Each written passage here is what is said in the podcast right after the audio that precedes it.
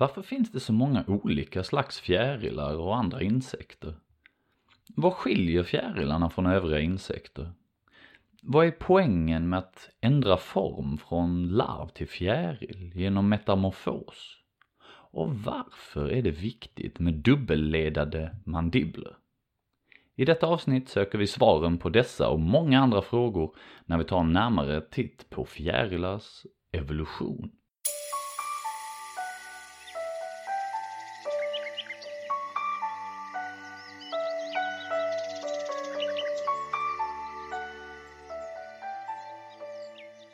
Hej och varmt välkomna till det andra avsnittet i Eriks fjärilspodd. Mitt namn är Erik Cederberg och i det här avsnittet så får ni följa med mig på en klättring uppför livets träd och med siktet inställt på fjärilsläkterna. På vägen upp kommer vi få lära oss mer om fjärilar och andra insekter och guide på färden blir det här avsnittets gäst, Dave Karlsson. Dave är stationschef på fältforskningsstationen Station Linné på Öland. Och han har sedan start varit involverad i det svenska maläsfälleprojektet som eh, syftar till att kartlägga hela den svenska insektsfaunan. Det är ett stort projekt som har samlat forskare från hela världen och lett till att man har funnit massvis av tidigare helt okända arter.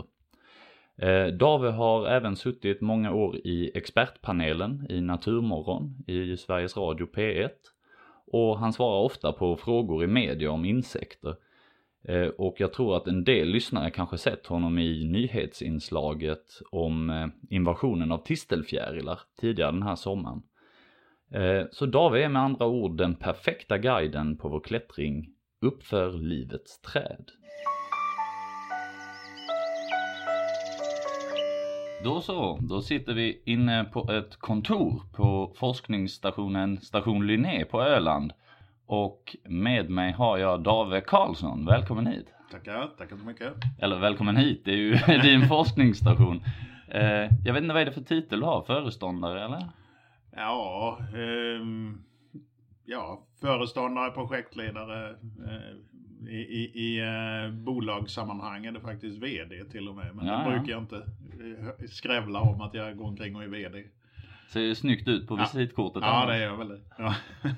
eh, nej, jag är väldigt glad att jag fick lite tid med dig. Eh, för jag tänkte, vi ska tala mer om, om stationen, men jag har ju bjudit in dig till podden på grund av eh, ja, men din stora kunskap om insekter och, och fjärilar kanske framför allt. Så där ska jag försöka få ut så mycket information av dig som möjligt. Ja. Eh, men eh, vi börjar i en annan ände med, med att höra hur, hur kommer det sig att, att det blev just det här som blev kallet i livet så att säga. Hur, hur mm. eh, väcktes intresset för insekter? Ja, jag kan faktiskt koppla det till en speciell händelse, en speciell dag. Och det var min absolut första sommarlovsmorgon som jag hade. Eh, sju år gammal. Och eh, vi åkte ut, min, min, eh, mina föräldrar och jag åkte ut till vår faster, faster Birgit i Alstermo. Och eh, när vi klev ur bilen så på en kudde av blåa blommor så satt det en eh, makaronfjäril. Eh, och jag hade aldrig sett något liknande, aldrig hört talas om något liknande. Och den var så stor och så vacker. Och jag lyckades faktiskt fånga in den där. Jag slängde min jacka, jag hade en liten blå jacka som jag kastade över den kommer jag ihåg.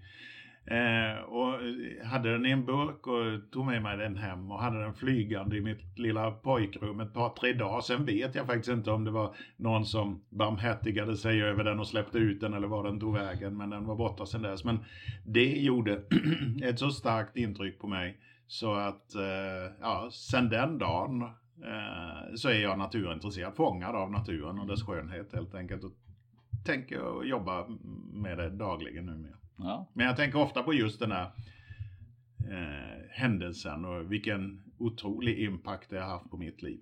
Mm. Ja, och det är ju en helt sanslös eh, fjäril alltså. Ja. Det... Så det, det, jag har ingen som har dragit in mig i det här. Jag, det, jag har inga föräldrar som är speciellt naturintresserade eller rörde sig mycket i naturen. Mm. Ingen eh, lärare som fick in mig på det här. Utan det var just den fjärilen, den händelsen mm. som gjorde ja. det. Ja. Det är häftigt. Ja. Det är kul att det är en ynnest, en gåva. Ja. Eh, nej, och, och jag tycker man får väl någon liknande upplevelse varje gång man ser en makaron för det är ju liksom inte det, den vanligaste fjärilen man stöter på även om den förekommer väl i de flesta delar av landet. Ja, det gör den. Den, den, den finns eh, spridd över hela landet och har väl börjat bli lite vanligare nu. Eh, förmodligen tack vare eh, klimatförändringarna så hinner den ju ofta med en andra generation här i Mm. södra Sverige. Och framförallt på västkusten eh, så kan man ju på vissa av öarna se massvis av dem Mm. ibland. Men det är ju en, den sticker ju verkligen ut. Mm. Det, det, det finns ju inget som eh, i, i den svenska naturen ens är tillnärmelsevis i samma storlek och skönhet och så gracil som den. Ja, Ja. Den, är fan, den är helt eh, enkelt fantastisk. Ja. Jag tycker fortfarande den är, den är underskön. Ja, Nej, jag instämmer till fullo. Jag, jag tänkte att eh, idag så ska vi försöka att att ta oss upp för eh, vad vi föreställer oss är livets träd och så ska vi hitta de här kvistarna som utgörs av just eh, fjärilssläkterna och, och på det sättet lära oss mer om fjärilar. Och, eh, du får bli vår guide. Mm. Jag, jag tror nästan att vi, vi börjar eh, lite förrädiskt enkelt och, och, och, och frågar oss vad är evolution för någonting? För jag tror att man måste ha koll på det begreppet för att sen förstå den här liksom, enorma mångfald av liv som vi har på planeten där fjärilar är, ingår. Mm. Det, det är väl lite svårt att eh, i eh, få ord eh, berätta vad evolution är. Man skulle väl kunna eh, säga utveckling. Ehm, att ehm, eh, organismer förändrar sig. Är det till det bättre så kan det leda till nya arter. Är det till det sämre så försvinner den här ehm, varianten så att säga. Mm. Så, så evolutionen är ju något som går väldigt, väldigt långsamt. Det är ju inget som vi kan stå och titta på och se det hända. Kanske på eh, mikrobisk nivå men inte på, på eh, makroskopisk nivå. Eh, så eh, det, det tar tid för naturen att utveckla nya arter. Men eh, ja, det är förändring i, i eh, arterna kan man väl säga, i organismerna. Det är Ja. väl en form av evolution i alla fall. Ja.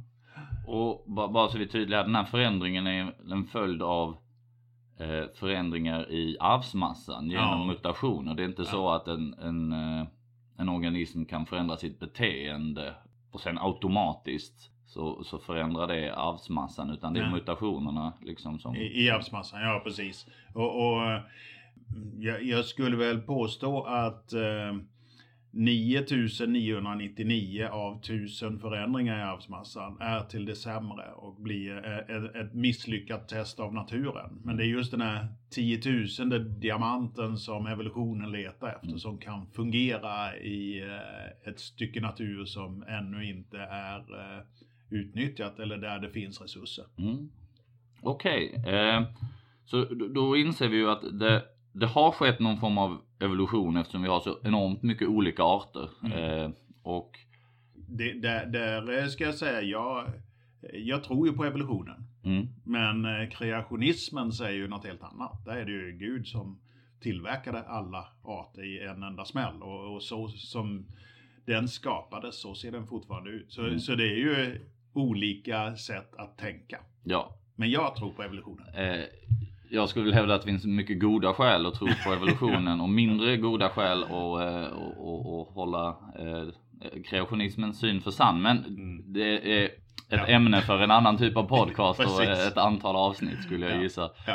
Men om vi då föreställer oss, vi vet ännu inte riktigt hur livet uppkom, det är väl eh, korrekt att säga så. Så att Mm. själva de absoluta rötterna till det här livets träd, där har inte vetenskapen ännu något svar. Men det, Mm. det är inte heller det vi intresserar oss för här, utan det jag skulle tycka var intressant är vilken är den första förgreningen som kan vara, kan vara vettig att prata om för att förstå någonting o- o- om, om insekter? Är, är det förgreningen mellan växter och djur eller är jag fel ute?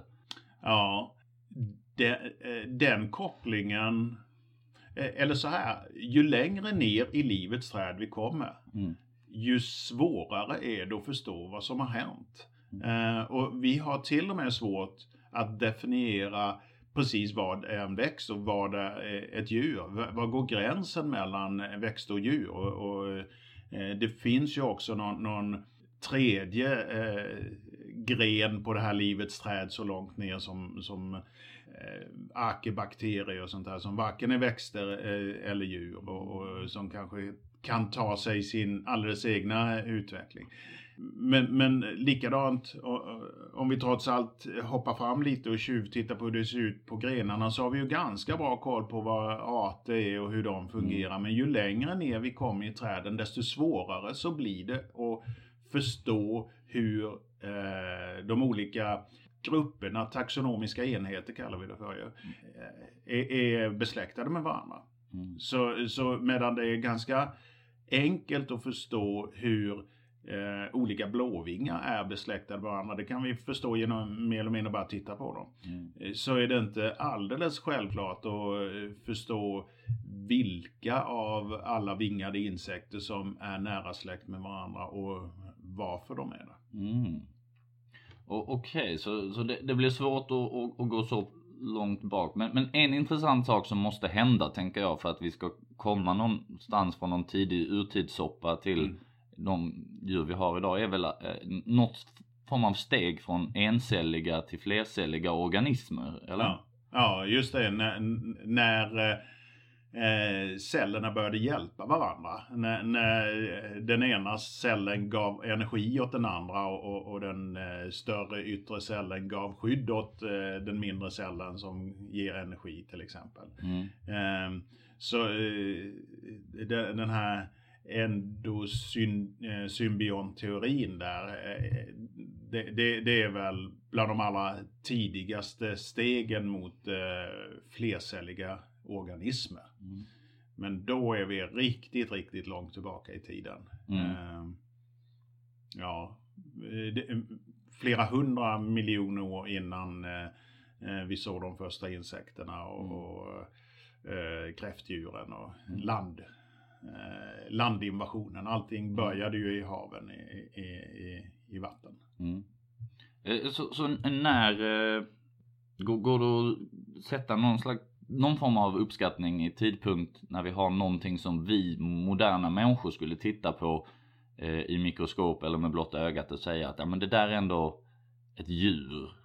Vi kan säga att den verkar ha liksom ben eller eh, um... nej, alltså kambrisk tid och 400 miljoner, 420 miljoner år sedan. Eh, då, då är ju eh, då är ju världen ganska utvecklad eh, Mm. redan eh, där, eh, då med, med, med bläckfiskliknande djur som vi idag kan se i, som fossil i, i de öländska Mm. kalkstenarna och så vidare. Men precis när när de flercelliga organismerna började uppträda som djur och, och, och eh, få ben eller ännu mer ögon. Det, Mm. det, nej, det vet jag inte. Det kan jag inte. Det, det, kanske så långt tillbaka som eh, en miljard år till. Ja. Eh, Men eh, det kanske är rimligt då att ta sin utgångspunkt i kambrium som, Mm. eh, som du nämnde. Eh, Så att vi inte tappar bort oss Mm. kring eh, foten av det här trädet. För kambrium, då har det skett någon form av explosion Ja. av, av, liv. Eh, Du nämnde bläckfiskar, men vilket djur skulle vi kunna hitta där? Där vi kan säga, men det här kan vara en trolig förfader till de insekter som, som vi ser idag. Finns det någon kandidat? Ja, det, gör, det, det är ju... Eh, de första artropoderna dyker ju upp då. Eh, artropoderna det är ju eh, leddjur. Eh, artropoda det betyder ledad fot. Eh, så där eh, har helt enkelt benen blivit eh, ledade på något sätt. Så, som en del har fått liknande knäskålar, andra har, har om än inte lika avancerat förstås, och andra har fått funktionen av tasser och så vidare. och, och, och trilobiten är väl den, de mest kända från den tiden. Mm. Det är ju en av de allra, allra tidigaste eh, artropoderna eller leddjuren. Ja, ja. Och jag tror trilobit är något som många lyssnare är bekanta med, själva eh, fossilet och, Ja. och sådär. Eh, är, jag rätt ute med att säga det här är något, något, ett djur som lever på botten av havet och, och någon slags eh, letar rester från Mm. eh, döda djur eller Mm. eh, Så var det, det, det, blev ju en ganska artrik eh, trilobiterna. Det, det är ju en eh, faslig massa eh, olika arter som är kända där. Jag kan inte på rak arm säga hur många, men, men det är ju flera hundra olika arter Mm. som är kända. Eh, och, och säkerligen var en del av dem, som du säger, som, som gick och letade andra döda djur och så vidare, asätare helt enkelt. Medan det förmodligen fanns de som var betydligt mer offensiva och blev Mm. predatorer och började jaga och simma, eh, mer aktivt simmande. Så det, där, där, eh, om variationen eh, ännu inte var lika stor förstås som bland insekterna så fanns det ändå en väldigt stor variation där eh, en del eh, var stora, tunga, klumpiga. eh, Det, det har hittats trilobiter, eh, fossiler av trilobit i, i krokarna av Borgholm där mm. sköldarna har varit över 60 centimeter stora. oj. Eh, och, och till väldigt märkliga, taggiga utseenden som eh, förmodligen har att göra med ett, ett mer aktivt leverne. Ja, ja. Så då har vi leddjuren som, Mm. som grupp. Mm. Och där ingår ett antal olika eh, g- grupper av djur som, som jag tror många är bekanta med. Va? För Mm. det är insekter, Ja. placerar vi under leddjur. Och Ja. vilka övriga? Kräftdjuren till exempel, och spindeldjuren. Ja. Eh, Det är väl de nu levande största eh, grupperna. Det, Mm. det har funnits eh, en hel del eh, Och- andra också. V- Vad, vad, vad kännetecknar då de här leddjuren som man kan säga de här hör tillsammans i artropoder om man jämför med däggdjur eller liknande? Vad är, vad är kännetecknande för dem? Ja, det är, det är precis som eh, det vetenskapliga namnet antyder. Artropoda, ledad fot. Eh, att de har de här lederna på benen helt enkelt. Eh, eh, men också att de är, har, ledade kroppssegment. där, det är olika kroppssegment som sitter ihop med varandra i olika antal. Mm. För, för det jag tänker på, vi har ju leder på våra ben kan man ju hävda då som eh, lite okunnig, har en knäled och så här. Mm. Och vad, är, vad är det som skiljer ledsystemet? Du, du var inne på det nu Mm. men eh, för skelettet är väl en avgörande skillnad?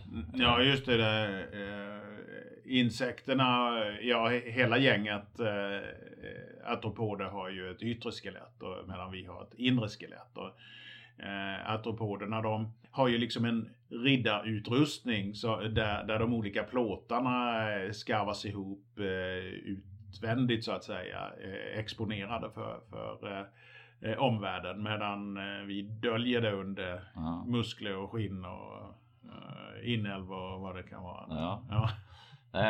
Det, det är det jag tänker på som tydligt. Det kanske finns fler grupper än leddjuren som har ett så kallat exoskelett men Nej, det, eh, det tror jag inte. Det, ja, det, det, det är väl en eh, sanning med modifikation. Sköldpaddan till exempel är ju Ja. inget leddjur men den har ju ett exoskelett. Ja. Så, så den typen av eh, skydd kan nog finnas bland, bland andra Ja. grupper också. Men om vi då vill ta oss längre upp och, och hitta den här gruppen insekter som, som vi vill fokusera på. Var, eh, var börjar det skilja sig? För du, du nämnde spindeldjur och, jag tänker så här. Spindlar har åtta ben, insekter har sex ben. Är det så enkelt eller? Eh? Ja, det kan, man, det kan man egentligen säga. Det är faktiskt så enkelt. Eh, och kräftdjuren som också är i det där gänget har ju ytterligare fler, ofta eh, tiotal ben. Och, och ja, sen, sen finns det ju hela gänget med eh, mångfotingar millipeder också som Ja. kan ha upp till inte tusen ben, men jag tror eh, rekordet, de, de allra eh, de med allra flest eh, ben ligger på en 320 eller något Ja. sånt där. Det är ganska många ben att hålla Ja. reda på i alla fall. Ja. Så n- när sker den här delningen? Kan man säga det med lite större precision? När har vi något vi kallar insekter som vi då särskiljer från? eh, Mm. Ungefär 350 miljoner år sedan. eh, Ja. Då, då, då eh, dyker de första insekterna upp. Och, och om vi börjar med, med daggmaskar, ringmaskar och så vidare. Där, där är det ju en faslig massa segment. Mm, Eh, och, och de har ju funnits då i kanske 600 miljoner år. Men, men eh, när de hade funnits på jorden i kanske 100 miljoner år så var det en del av dem där eh, det började sticka ut något benliknande strukturer, fortfarande mjuka. mm, Eh, så, som eh, gjorde att de kunde börja gå istället för att börja krypa och, och, och eh, simma. Men eh, eh, när, när de sen började få plåta på de här strukturerna på varje segment Mm. så, så kan man säga att det blev leddjur av dem. mm, Så, så eh, de benen blev skyddade med, med eh, plåtar med, med eh, skleriter som man säger. Och till en, de här mångfotingarna är nog de allra äldsta leddjuren. Det tog väl kanske 100 miljoner år innan de hade bestämt sig för att om vi har sex ben så mm. eh, blir det insekter av det. Ja. Och det där är egentligen lite godtycklig uppdelning som vi människor gör i efterhand. Ja. Ja. Så är vi fortfarande kvar nere i vattnet då när vi har de första insekterna eller vad, vad, vad är det? Finns det någon, någon, något djur man kan plocka fram och säga men det här är ändå skulle vi otvetydigt kategorisera som en insekt utifrån dagens vetenskap? Ja, eh, vi, vi har en grupp insekter som vi kallar urinsekter. Mm. Eh, det är eh, eh, Protura, Diplura och eh, s- ja, Sygentoma, silverfiskar och det här gänget. Eller inte. Nu ska vi se. Protura och Diplura är med i det gänget i alla fall. Och Protura eh, det är den allra eh, äldsta eh, stammen. Allra, allra enklaste insekterna, urinsekterna. Eh, de har sex ben. Mm. Men eh, eh, de har inga yttre mundelar. De, de har inre mundelar istället. Eh, de har inga ögon, inga antenner, inga cerci, alltså känselspråk Mm. bak i. Och är väldigt små. En, två millimeter. Ser ut som små, små vita maskar egentligen med sex ben. De har bara sex eh, bakkroppssegment. Äkta insekter som vi kommer till eh, sen. Ja. De har eh, 12 bakkroppssegment. Så de har dubbelt så många bakkroppssegment som urinsekterna. Ja. Eh, Så, eh, och, och de här protura, de här små rackarna, de kan vi fortfarande hitta i ganska eh, stora antal. Mm. Men de är så små så det, det är svårt att hitta dem. Man måste veta hur man ska leta och var man ska leta. Mm. Eh, Under stenar, under lossnande barkskivor och så vidare på stora träd eller på marken. Där hittar vi proturerna.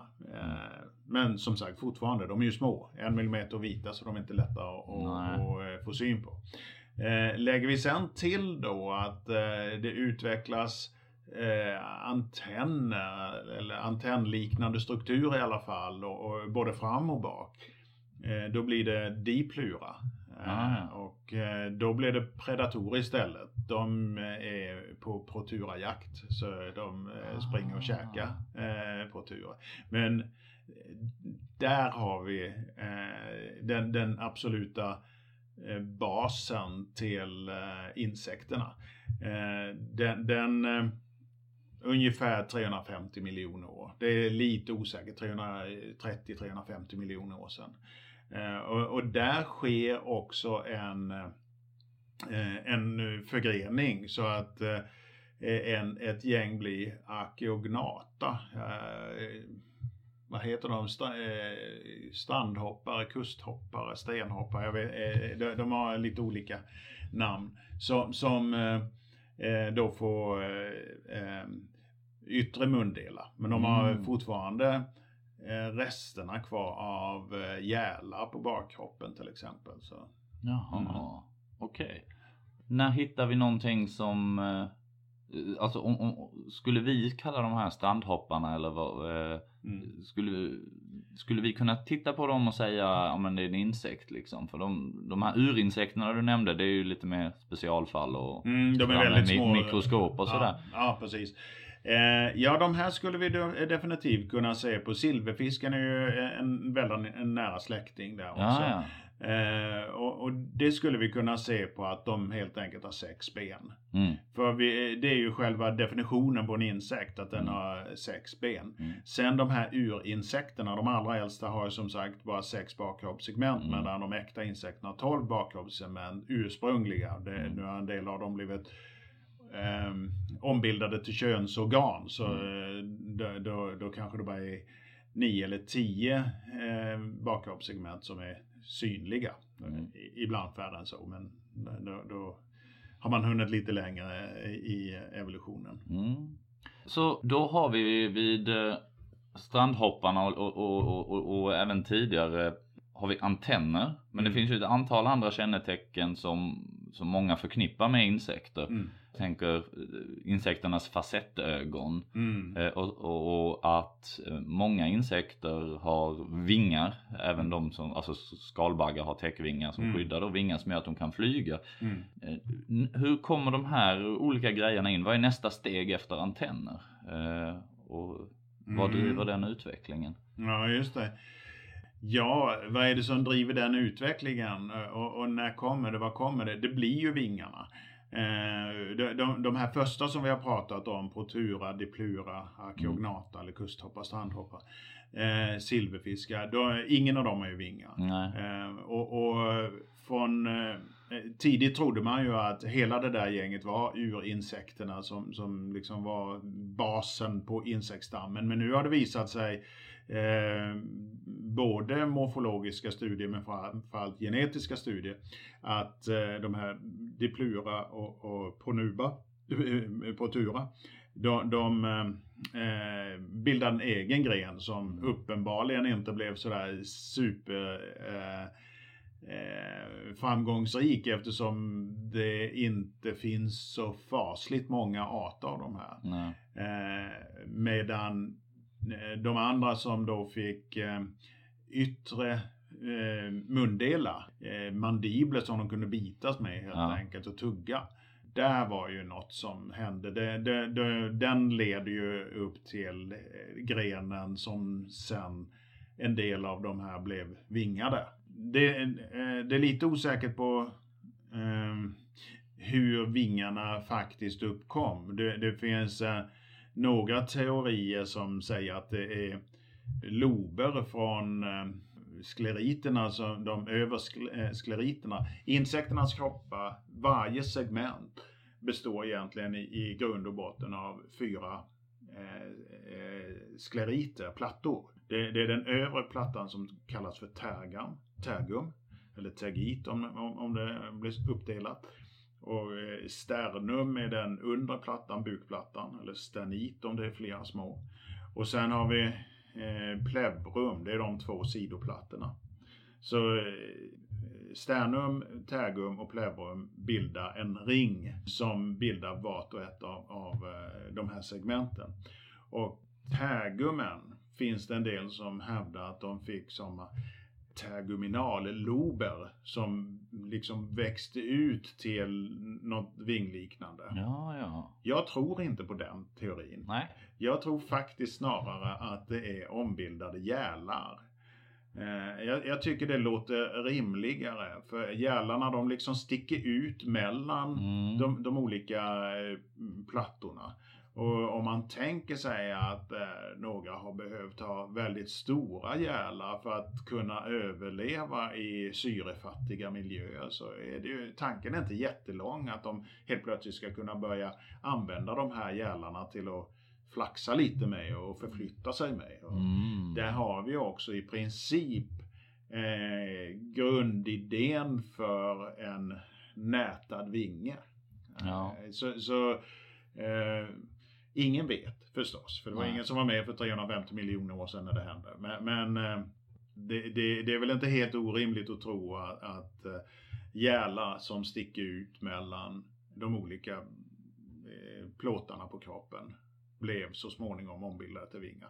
Däremot så finns det säkert de här loberna som det också diskuteras om som sitter på själva eh, tergumen på, på, på själva eh, kroppsplåtarna. Så, så, så finns det all anle- anledning att tro att det har funnits sådana som har en viktig roll i evolutionen av vingar för de skyddar fästena, vingfästena. Det blir ju Mm. ömtåligt så att säga. Det här Mm. stora exponerade gälen. Så än idag så, så eh, kan vi ju se på de flesta insekter, små vingfjäll kallas det för. Det är en, en, ett litet skydd Mm. som sitter i vingfästet på, eh, på varje vinge och som har eh, eh, ett terguminalt eh, ursprung. Ja, ja.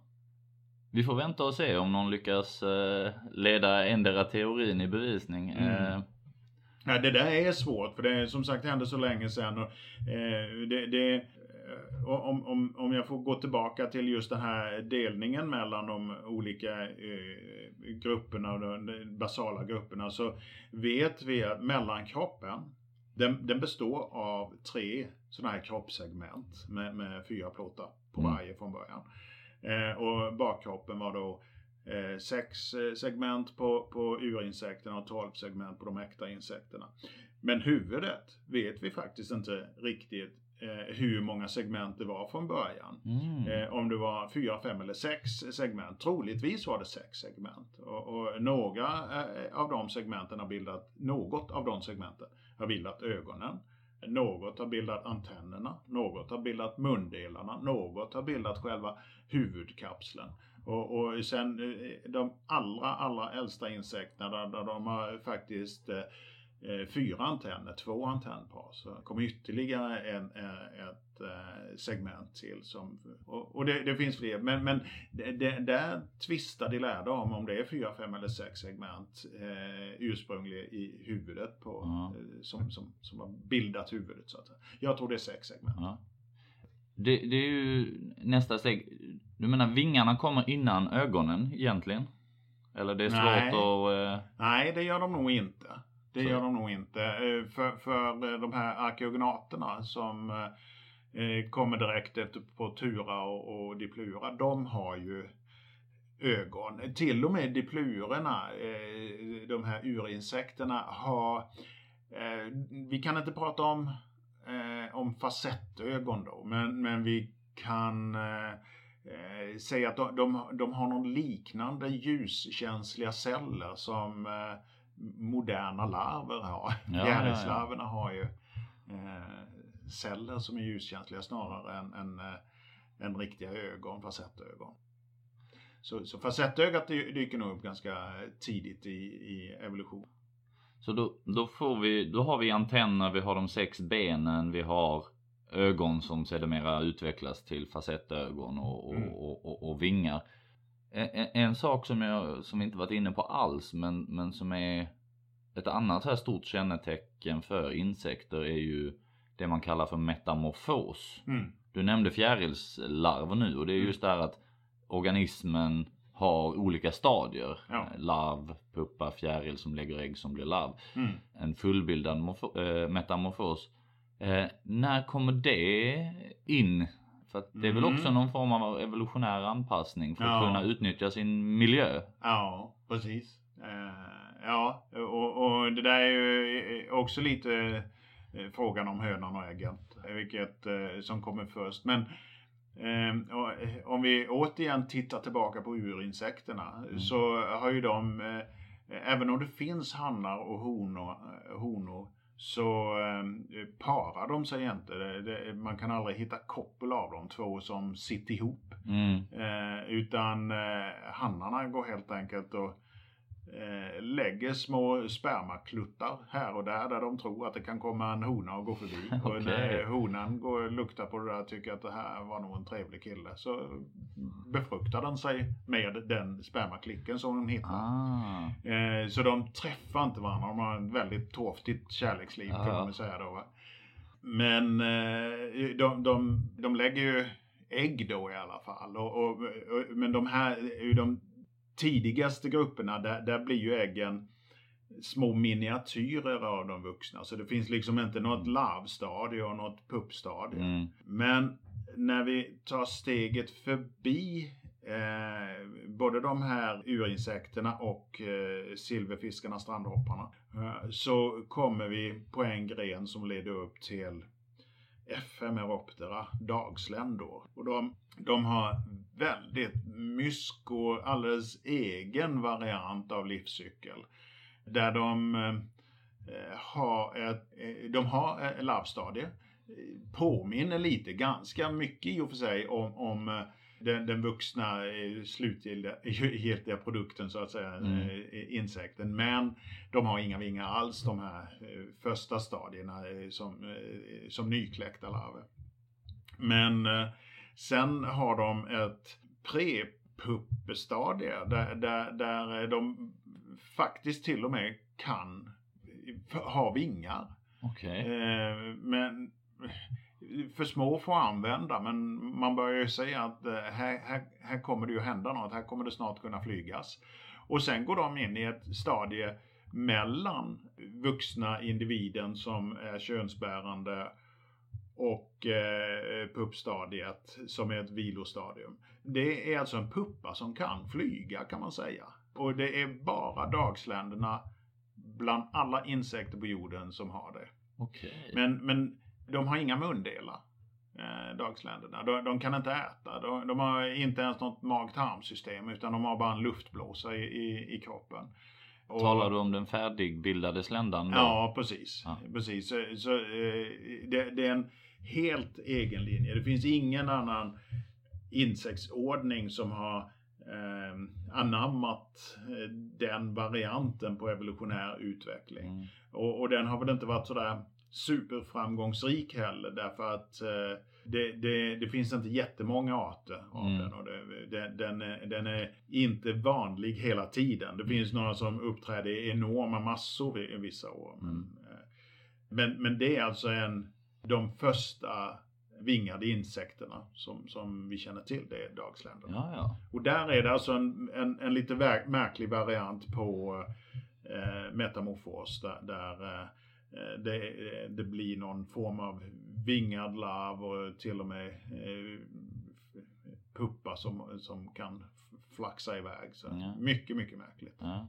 Jag tror många av de här sakerna som vi varit inne på så, så, så är det ganska uppenbart varför det är en fördel det är bra att ha antenner för att kunna mm. känna sin omgivning. Mm. Det är bra att ha de yttre mundelarna för att man kanske får tillgång till nya födokällor som mm. inte, man inte kunde tillgodogöra sig med, mm. med inre mundelar. Och ögon gör att man kan se och vingarna att man kan förflytta sig. Eh, eh, metamorfosen, det känns ju alltså spontant här varför bry sig om den här krångliga grejen med att ombilda hela organismen från grunden som vi har mm. bland, bland många insekter. Vad, vad, vad, vad drev den utvecklingen? Ja, högst troligt därför att det är lättare att lägga många små ägg som får klara sig själva än att eh, föda ut ett fåtal nästan färdiga unga. Med det sagt så finns det faktiskt en del moderna flugor som föder i stort sett levande unga. De, de eh, slänger ur sig ett puparium som kläcks så fort det ramlar ur. Men det, det, nu pratar vi några hundra miljoner år fram i tiden igen. Mm. Men, men eh, det är jag nog ganska övertygad om att just kunna massproduceras eh, mm. är lite av nyckeln till insekternas framgång. Och att då kunna lägga en jädrans massa ägg, kanske 200 ägg, kanske 5000 ägg, 10 000 ägg. Mm. Eh, så, så det är alltid någon som klarar sig, alltid någon som kan föra arvsmassan vidare då. Mm. Plus att det skyndar ju förstås på evolutionen när det blir en sån massproduktion så ja. Eh, kan det ju förstås alltid dyka upp någon som, som eh, ja, passar i en ny miljö eller fungerar på en ny plats. Okej. Okay. Är, är det också skälet till att vi har så oändligt många fler insektsarter än däggdjursarter exempelvis? Att man, Ja, man, eh. man lyckas er, erövra fler Mm. nischer genom att man massproducerar sin avkomma. Ja, eh, det är säkerligen så. Man, man eh, massproducerad avkomma, kort generationstid och extremt mobila. I och med att de kan flyga. De som inte kan flyga de kör med ballooning i larvstadiet. Så de hissar upp en tråd i luften som till slut blir så lång så de lyfter dem och transporterar iväg larverna någonstans. Spindlarna kör också med en, en liknande taktik. Men, men eh, just att de kan sprida sig eh, överallt och, och eh, snabbt bli många. Dels för att de som sagt har väldigt eh, stor avkomma och dels för att de har kort generationstid. Det, det är ju hemligheten bakom varför de blir så många. Och, och lägger vi ihop de här eh, olika eh, styrkorna hos dem så eh, blir det ju, eh, resulterar ju det i en snabb revolution, eh, eh, evolution. Mm. evolution. Okej. Jag tycker nu, nu börjar vi ju närma oss det som jag är ute efter i slutändan, att vi kommer fram till fjärilarna. Vi har i alla fall alla delar som, som, som Mm. Ja, det, krävs. ja, det, ja nästan. Och- nästan. Vad är det du saknar? Ja, eh, om, ehm, fortfarande så eh, de, här grupperna vi har pratat om, urinsekterna eh, och, och arkeognata, silverfiskar, eh, efemeroptera, dagsländor. Ingen av dem är speciellt vanlig. Vi, har- vi har fortfarande inte en artexplosion där. Okej. Eh, f- för att få artexplosionen så behöver vi eh, lägga till mandibler som har dubbla fästen. De gamla, eh, de, de ursprungliga yttre mundelarna, de, de hade bara one attachment, vad säger man? Ett, ett, Ett ett, ett, kulledsfäste så att Ja, säga. ja. Men det blev aldrig tillräckligt starkt. Så, så det var lite svårt att bita lite svårt att äta och lite svårt att hålla i sig. Men eh, när, när det blev dubbla fästen på den det, och vingar, då kommer artexplosionen. Okej. Så det är där vi har fjär, fjärilarnas I eh, den förfar? ligger, Ja. ja precis. Och, och eh, de här mandiblerna, mundelarna, de har ju utvecklats i all oändlighet om vi tittar på dem. Vi, vi, eh, en del har svårt att se skillnad på skinnbaggar och skalbaggar. Det är helt olika insekter, helt olika insektsordningar. Tittar vi på dem så kan man väl se vissa likheter. Men hos skalbaggarna har eh, eh, vingarna, eh, förlåt, eh, har mundelarna fortsatt att vara bitande. Så där har de sina Mm. mandibler med, med två fäster på varje mandibel. Mm. Medan eh, på skinnbaggarna har man ett sugrör istället. Där har liksom eh, väldigt enkelt uttryckt mundelarna vuxit ihop till en pipa istället, till ett rör som rinner under. Mm. Och eh, där på, i fortsättningen av den tanken kommer vi ju till slut att hamna bland fjärilarna. De har ju väldigt långt sugrör. Mm. Det är ju det som, en av de saker som definierar en fjäril. Det är ju den här långa proboscis som man säger. En i, i eh, ur, urfjäderliknande ihoprullad snavel som eh, ligger på undersidan av munnen på dem som Mm. man kan rulla ut när de ska äta nektar. Mm. Så då har vi den här förfadern som har dubbla le- dubbelledade mandibler, dubbelledade mundelar Mm. eh, och vingar och Mm. där får vi en artexplosion. Mm. Vad, vad är nästa steg? För jag tänker fjärilar, de kallas lepidoptera Mm. är, är, och det betyder Ptera betyder vinge. Vi, vi har ju eh, Coleoptera, Hymenoptera, Lepidoptera. Och, och Lepidoptera, det, är- lepi, det, det är ju fjäll. Så det, eh, det, det är ju fjällad vinge helt enkelt. Fjällble, eh, fjällbeklädd vinge. Okej. Och det är de här vingfjällen som ger fjärilar deras färgprakt Ja, eh, och, och liksom möjlighet till kamouflage och, och, så, och så vidare. Mm. Är det nästa steg eller det, behöver vi något steg till på vägen? Eh, någon annan viktig anhalt och stanna till vid från eh, om vi ska göra resan från de här bevingade insekterna med dubbelledade mundelar Mm. till dagens Mm. eh, det är ju svårt att veta, eh, förstå varför eh, vingarna ska behöva bli dekorerade och vackra. Men vi kan ju se redan på eh, nattsländerna att de har håriga vingar. Alltså skillnaden på fjärilar och nattsländor är egentligen att nattsländerna har sina små hårstrukturer kvar ute på vingarna medan fjärilarna har fått tillplattade hår så det ser ut som små fjäll istället. Mm. Men och, och, och nattländerna har dessutom bitande mundelar istället för som hos fjärilar, eh, då den här sugröret med sugande mundelar. Och det finns faktiskt ett överlapp. Problemet med att rota grupper så att säga, mm. det, det, är ju att, att göra dem monofiletiska. Att det bara ska finnas en enda form, en enda struktur i, i den här gruppen. Men det finns faktiskt eh, små käkfjärilar. Så, som inte har proboscis, som inte har den här sugsnabeln. Okay. Utan eh, som precis som nattsländorna har eh, bitande mundelar istället, ja. mandibler. Men, så de har eh, färgglada vingar, eller de har vingar med vingfjäll men då mm. så har de bitande mundelar? Ja. Eh, för rätta mig om jag har fel nu, men visst stämmer det att eh, vi då har den här gruppen med bitande mundelar, vi har många fjärilar med sugsnabeln mm. och sen har vi en del som saknar möjlighet att inta föda när de är fullbildade fjärilar som har tillbakabildade mundelar, stämmer ja. det? Mm. Det gör det. Eh, jag tror faktiskt inte de har helt tillbakabildade mundelar. De, de eh, jag tänker på påfågelspinnar och sånt där som eh, inte besöker blommor, inte eh, suger nektar eller käkar pollen eller så här. Men fortfarande så kan de nog suga i sig en vattendroppe. Ah. Alltså, jag, det, är, det är inte helt stängt som det är på eh, dagsländerna. Okej. Okay. Så, så tillbakabildade mundelar, ja, men inte avvecklade så att säga. De mm. finns fortfarande kvar där. Som en, en liten, liten kort, inte ihoprullad eh, sugsnabel då. Okej. Okay. Men är, är, är, är det korrekt att anta då att vi har de här käkmalarna med bitande mundelar Mm. Ur dem så, eh, så har vi senare fått sugsnabeln och sen har det skett en tillbakabildning igen hos ja. vissa arter därifrån. Ja, precis okay. så. Ja, precis så. Då så, men, men då tror jag vi det, det, sista jag skulle vilja göra är att, eh, för nu är vi ju framme vid fjärilarna ja. eh, helt enkelt. Mm. Eh, och, och det allra tydligaste som, som det vore intressant att fråga dig mer om är, vi har två stora grupper som alla känner till i princip. Dagfjärilar, nattfjärilar.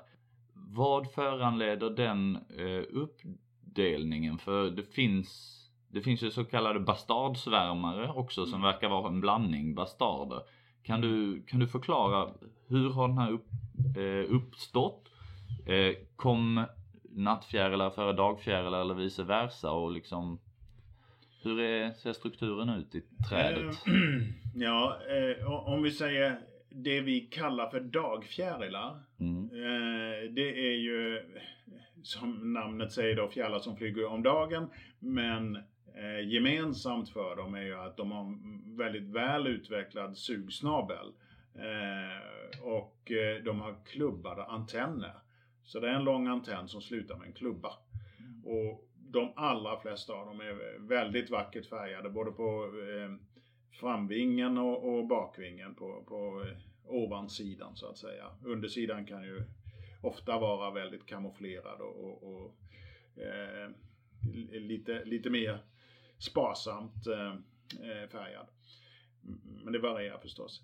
Men nattfjärilar som då kanske ja, det är ju mycket mer 90% av fjärilarna som är nattfjärilar om vi definierar det så.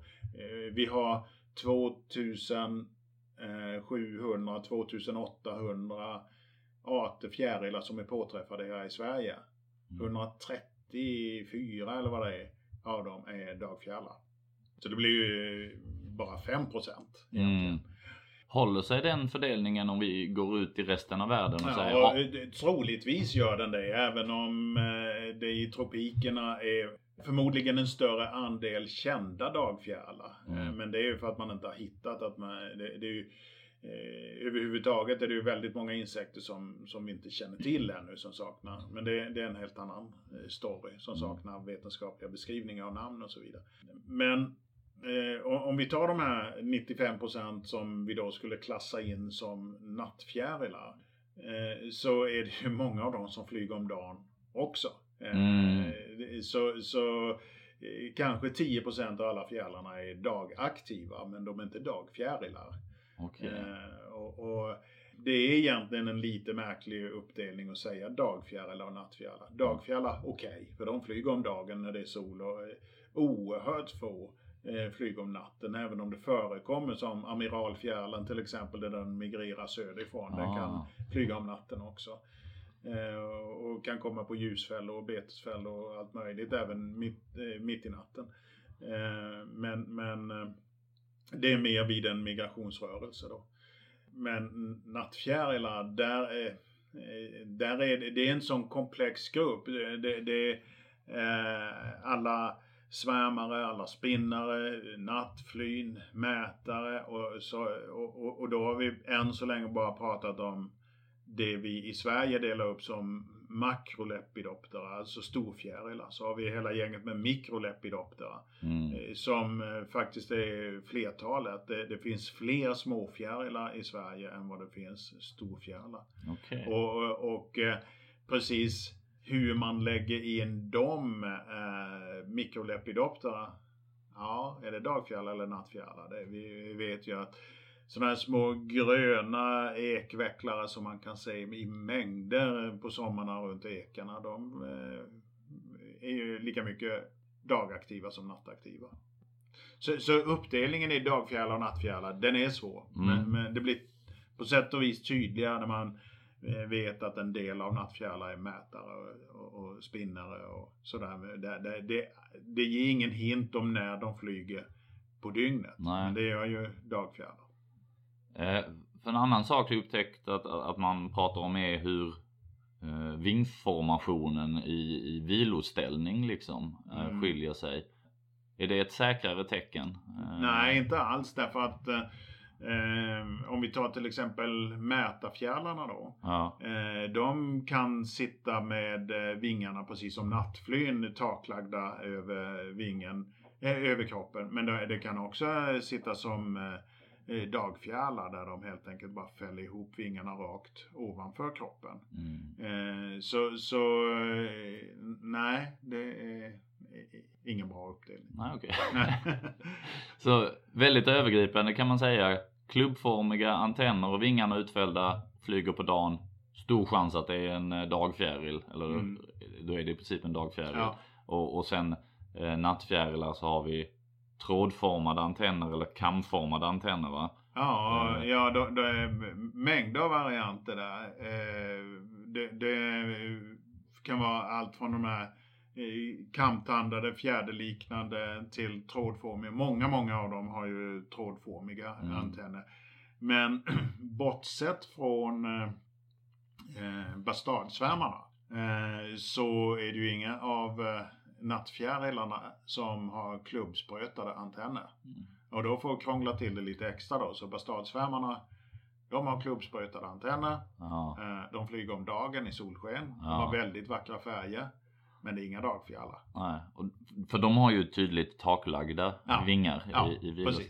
Precis. Ja okej, så man, man kan komma åt någon uppdelning men det kommer alltid någon eh, grupp av fjärilarna och krångla till det för en. Kan, kan vi säga så? Så, så är det ju i hela insektsvärlden därför att det är ju så enormt artrikt så det inom varje ordning, inom varje insektsgrupp finns, är variationen så stor. Så det kommer alltid att finnas överlapp. Men det kan ju vara liksom eh, eh, parallell evolution så att eh, eh, de, de, de olika karaktärerna, uttryckssätten på kroppen har eh, kommit helt eh, o, eh, oavsett förfädernas ursprung så, Mm. så har eh, de olika grenarna utvecklat samma karaktär oberoende av Mm. varandra. Ja, ja.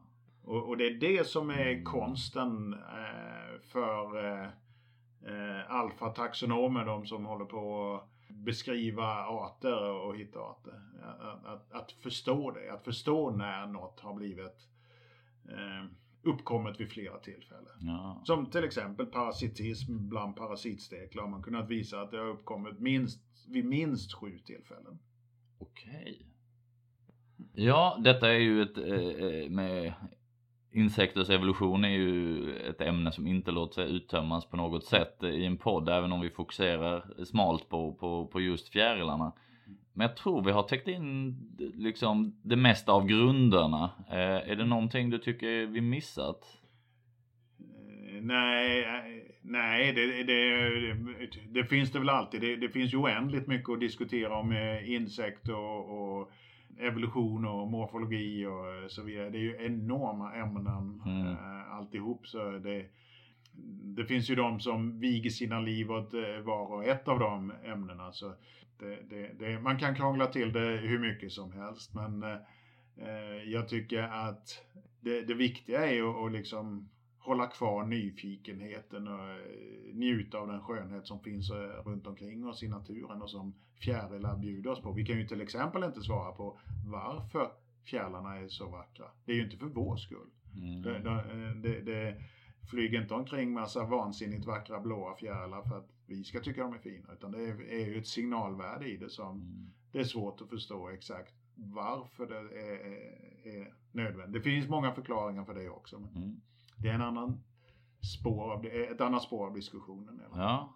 ja, men jag, jag tycker vi har ändå eh, genomfört den här eh, klättringen med viss bravur eh, mm. från eh, roten upp till eh, kvistarna som utgör fjärilar på, på livets träd.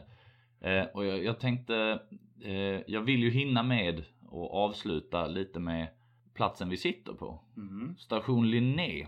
Eh, och där du har skaffat dig mycket av den här kunskapen som du delat med dig av gissar jag. Ja. Eh, det jag reagerar på när jag, för jag, jag nämner Station Linné ibland för, eh, för vänner som inte är fullt lika fjärilstokiga som jag. Men Eh, det jag märkt är att väldigt många känner till att det på Öland finns en fågelforskningsstation nere på den södra eh, udden nere i Ottenby. Mm. När man nämner station Linné så är det ytterst få som har hört talas om stationen mm. som ändå är världsledande får man väl säga på, på mm. mycket av den forskning ni gör. Kan, kan du berätta när grundades den? Vad, vad, vad har det lett för Eh, lett till för upptäckter och eh, vad, vad jobbar ni med? Oj, var ska jag börja? Eh, den grundades 1963. Mm. Eh, initiativtagare var då en eh, Bertil Kullenberg som eh, entomolog, eh, insektsforskare på Uppsala universitet. Eh, och han var över här på Öland på 50-talet och studerade orkidépollination. Och eh, speciellt intresserad var han av Eh, Eh, en eh, orkidé som heter flugblomster eh, som besöktes ivrigt av steklar och när han samlade in de där steklarna visade sig att det var bara en massa hanar av samma art stekel. Och han ville undersöka vad, vad det där beror på. När han täckte över blomman med en tyllduk så fortsatte steklarna att komma dit i alla fall. Och då hade han ju enkelt kunnat visa att det handlade om doft. Så då tog han kontakt med eh, världsledande forskare vid Göteborgs universitet. Eh, Stenhagen hette de, ett äkta par, Stenhagen. Som eh, kunde konstatera att doften som den här lilla blomman skickade ut var identisk med eh, doften från stekelhonan. Eh, och, och, eh, blomman utnyttjar alltså han, stekelhannarnas sexualdrift för att själva blir pollinerade. Så när stekelhannarna i, i tron om att det är en hona de kommer till hoppar runt bland olika blommor så för de pollen vidare. Mm. Det var den första forskningen som bedrevs här på stationen. Sen det blev mycket mer, kemisk ekologi kallar man det för mm. dofternas språk i naturen skulle man kunna säga. Naturen kommunicerar väldigt mycket med dofter mm. och språk. Det gör faktiskt vi också. Eh, trots att vi inte lyssnar på det längre så är våra kroppar ganska duktiga på att kommunicera med dofter. Mm. Eh, och, och, därför kan vi till exempel gå in i ett litet rum och ställa oss där, där eh, eh vi, vi står med en person som vi aldrig har träffat innan. Vi, även om ingen säger något eller gör något så kommer vi förstå om vi tycker om eller tycker illa om den här personen som står i samma rum. Och det handlar faktiskt om kemisk kommunikation med våra eh, kroppar. Och det där fortsatte på eh, ja, massa eh, olika spår. Och eh, när jag kom in här i slutet på 90-talet, början på 00-talet så ville jag föra in lite taxonomisk forskning, alltså den forskningen som Carl von Linné en gång i tiden startade.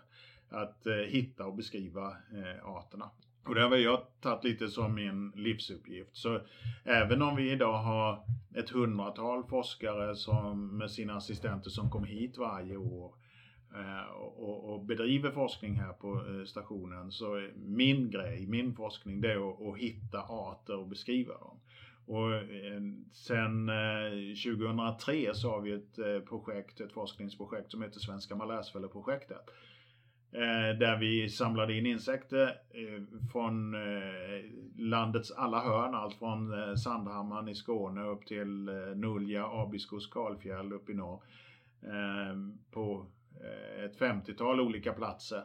Och, och, där vi nu har hittat över 2000 nya arter för Sverige. Och närmare hälften av de där är också nya för vetenskapen. Så Eh, vi, det projektet samarbetar nu med 130 forskare i 25 länder på fyra världsdelar. Så det, det har blivit ett väldigt stort projekt. Mm. Och, och, det är väl så, det, det, det, det blir ganska en, en, en, liten sluten grupp som försöker nå ut och berätta vilka spännande upptäckter vi gör förstås. Men medan vi är 15 personer som är aktiva i det här i Sverige Eh, med, med eh, taxonomisk forskning och beskrivning av insektsarter. Så kanske det är 15 000 som är intresserade av fåglar och fågelskådning. Mm. Och eh, det, det, är klart att det får ett större genomslag då men vi syns allt som oftast i tidningar och tv och eh, olika sammanhang i alla fall. Men vi kanske skulle vilja nå ut ännu mer. Ja. Jag hoppas att den här podden kan dra sitt lilla strå till stacken i alla fall eh, och, och, och göra stationen mer känd. För att man ska ju inte sticka under stol med det här att eh, de här sakerna som du nämnt är ju eh, enorma saker i forskningssammanhang. Den här, en av de viktiga grundstenarna till att skapa ekologin som forskning måste det ju vara det här orkidéerna och steklarna ja, ja. som Kullenberg ja, gjorde och, och, att beskriva tusen nya insekter som inte bara är nya för Sverige utan för världen. Det är ju mm. liksom det är väl inte kattskit i vetenskapliga Nej, sammanhang? Nej, det, är, det är väldigt stort faktiskt. Det är väldigt stort. Ja. ja. Och det är något som vi är ruskigt stolta över ja. förstås. Och en annan sak som jag läste som jag nästan hoppade till var eh, eh, om stationen. Stämmer det att världens största insektssamling mm. finns här på station Linné? Ja, så har det ju blivit tack vare den här stora insamlingen som vi då bedrev 2003 till 2006 när vi har sorterat upp det. Eh, så eh, innan vi körde igång så var världens största insektssamling där Smithsonian i Washington. Som har ja, 40 miljoner insekter. Ja, för det är ju den jag tänkte på. Det måste vara större eller jag ja. vet inte. Sen, Museum of Natural History i London ja, liksom. Och så är det, miljoner. är det stationen ner på Öland som är bäst i världen. Det är ja. väldigt kul. Jo, så är det. Men, men vi har dem ju inte eh, monterade och exponerade på samma vis som man har eh, på de här museerna. Mm. Eh, där, där de sitter eh, uppnålade i eh, lådor så man kan gå och titta på dem en och en. Utan vi har dem ju fortfarande eh, det kanske ligger 1100 myggor av samma art i ett rör. Till ja, exempel. Ja, ja. Så, så, ja, lite så. Så, så det, det, det är väl kanske inte en helt ärlig eh, jämförelse men eh, den är kul. Ja. eh, om man som, som lyssnare vill stödja station Linné för att visst är det så att ni till stor del förlitar er på att få stöd av, eh, av människor för att kunna bedriva er forskning. Eh, mm. Det är inte anslag eh, i, i första hand som dri, ja, finansierar stationen eller? Både ja och nej vi hade inte klarat oss utan eh, eh, supporten som vi får från allmänheten. Mm. Eh, sedan eh, forskningsstationen kom då till 63. 2008 så hoppade Uppsala universitet av som huvudman och då var vi ett gäng forskare och tillskyndare som tyckte att det finns så mycket spännande att bedriva här. Jag hävdar ju till exempel att eh, den här platsen är den artrikaste i, i eh, hela Sverige åtminstone, mm. kanske till och med Skandinavien. Eh, så, så från 2008 och fram till nu så har vi fått eh, över 3 miljoner kronor i donationer från privatpersoner. Mm. Vilket har gjort att vi har kunnat renovera labben och eh, fixat tak och, och, och, målat om och hålla stationen igång. Vi är alltså 25 personer som jobbar här varje mm. år. 12-13 stycken som jobbar här året runt. Mm. Eh, plus de här 100 besökande forskarna som kommer hit varje år. Så, så det, det krävs en hel del skötsel och utveckling. Men eh, vi som är här är beroende av, eh, av, av eh, forskningen och, och eh, ha egna medel så att säga. Mm. Så, så supporten som vi får från samhället ger oss möjlighet att ha kvar stationen, mm. eh, arbetsplatsen så att säga. Och det är vi ju väldigt glada för. För vare sig någon ger 20 kronor eller någon annan ger 50 000 kronor så är det ju ytterligare en, en, en viktighet i det. Det är ju vi har ju någons mandat så att säga. Mm. Det, det är det jag känner som minst lika viktigt som pengarna i sig. Mm. Att, att, det är någon som tycker vi gör något bra som det är värt att satsa pengar på. Och sen använder vi dem olika kanske om det är 20 kronor eller 50 000 kronor. Men eh, det man kan vara säker på när man donerar pengar hit är ju att ingenting kommer gå till några löner. Det har det aldrig gjort. Utan de pengarna som vi får i, i, till skänks. De går alltid 100% oavkortad in i organisationen till ja, nya ugnar eller måla om eh, ett labb eller nya bänkar eller nytt mikroskop eller vad det nu kan vara. Och om man som lyssnare vill stödja just stationen, hur gör man det lämpligast? Eh, gå in på hemsidan och, och stationlinné.se och eh, följ instruktionerna där. För man kan ju bli medlem. Det kostar 100 kronor om året och då får man också medlemsblad eh, och eh, information om vad som händer här hela tiden. Plus att man faktiskt får lite rabatt på boendet om man skulle vilja bo här. Vilket går att göra i, den, i mån att vi inte har fullt av forskare här. Forskare och studenter har prio ett här då, men när vi inte har fullt uthyrt så kan man som privatperson också komma hit. Men annars så går det också att donera pengar till eh, stiftelsen Station Linné om det är större belopp. Mm. Så bra! Jag hoppas jag verkligen att vi trillar in lite pengar från lyssnare som du ändå har tagit dig tid att förklara så mycket om insekternas mm. evolution för. Så eh, jag tror inte det är någonting att tillägga där. Vi kanske får anledning att sätta oss ner igen och diskutera någon annan del av de här intressanta ämnena. Finns mycket spännande att prata om. Ja. Tusen tack för att du var med David. Tack så mycket. Tack hej. Du har lyssnat på Eriks fjärilspodd. Du kan hitta mer information om podden och dess avsnitt på dess Facebook-sida som också heter Eriks fjärilspodd. Och där kan du även ställa frågor, komma med önskemål, tipsa om gäster du vill höra på podden och ge kritik och konstruktiva förslag. Och om du vill stödja den här podden så kan du göra det genom att tipsa vänner och bekanta om den och dela den på sociala medier. Du kan även stötta podden genom att swisha pengar till nummer 0733 56 49 67. Och bidragen gör att jag kan lägga mer tid på podden och att jag kan betala för den utrustning som behövs för att producera den. Så tack för ert stöd och stort tack för att ni lyssnat.